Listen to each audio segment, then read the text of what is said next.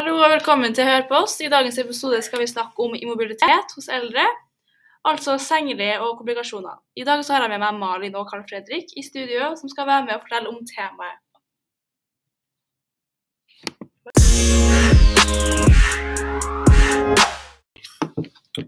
Eh, immobil betyr eh, begrensa evne eller mulighet til fysisk aktivitet.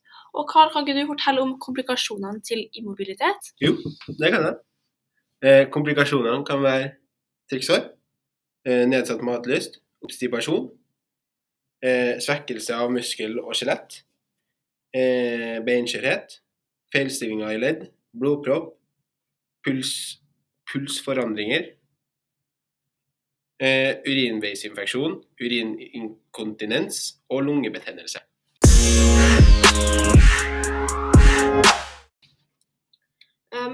Snakke om personer og grupper som er i faresonen.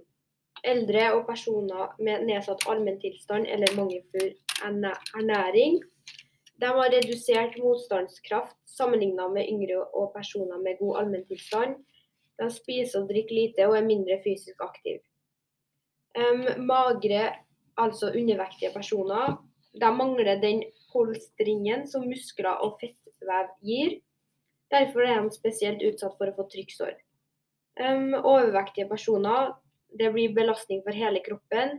Sirkulasjonssystemet og respirasjonssystemet jobber tyngre for å sørge for god sirkulasjon og oksygentilførsel til hele kroppen. En som er overvektig, hviler dessuten tungt mot underlaget når han sitter eller ligger, og det øker faren for trykksår.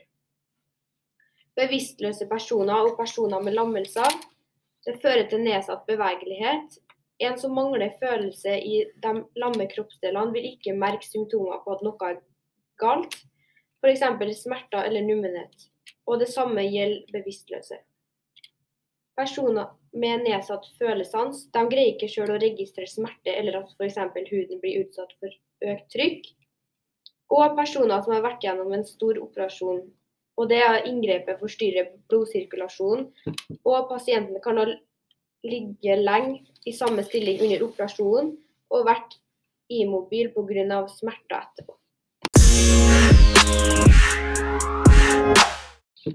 Til slutt skal vi snakke om hvordan man forebygger komplikasjoner.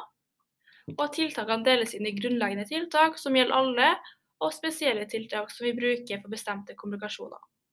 Eh, Noen generelle tiltak er at det er viktig å veilede, informere og motivere pasienten til å være aktiv med i prosessen, og samarbeide med pasienten. Du må også observere og rapportere eventuelle symptomer. Eh, og du må også sam samarbeide med pasienten om å opprettholde eller bedre allmenntilstanden. Bla gjennom ernæring og tiltak som fremmer trivsel. Eh, mental og sosial aktivitet som f.eks. Eh, å lese musikk og radio. Og TV, snakke med andre eller spille spill.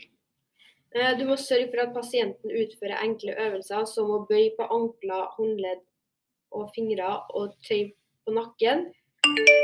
Og spesielle tiltak det er at i tillegg til de generelle tiltakene må du kanskje iverksette spesielle tiltak for å forebygge bestemte komplikasjoner.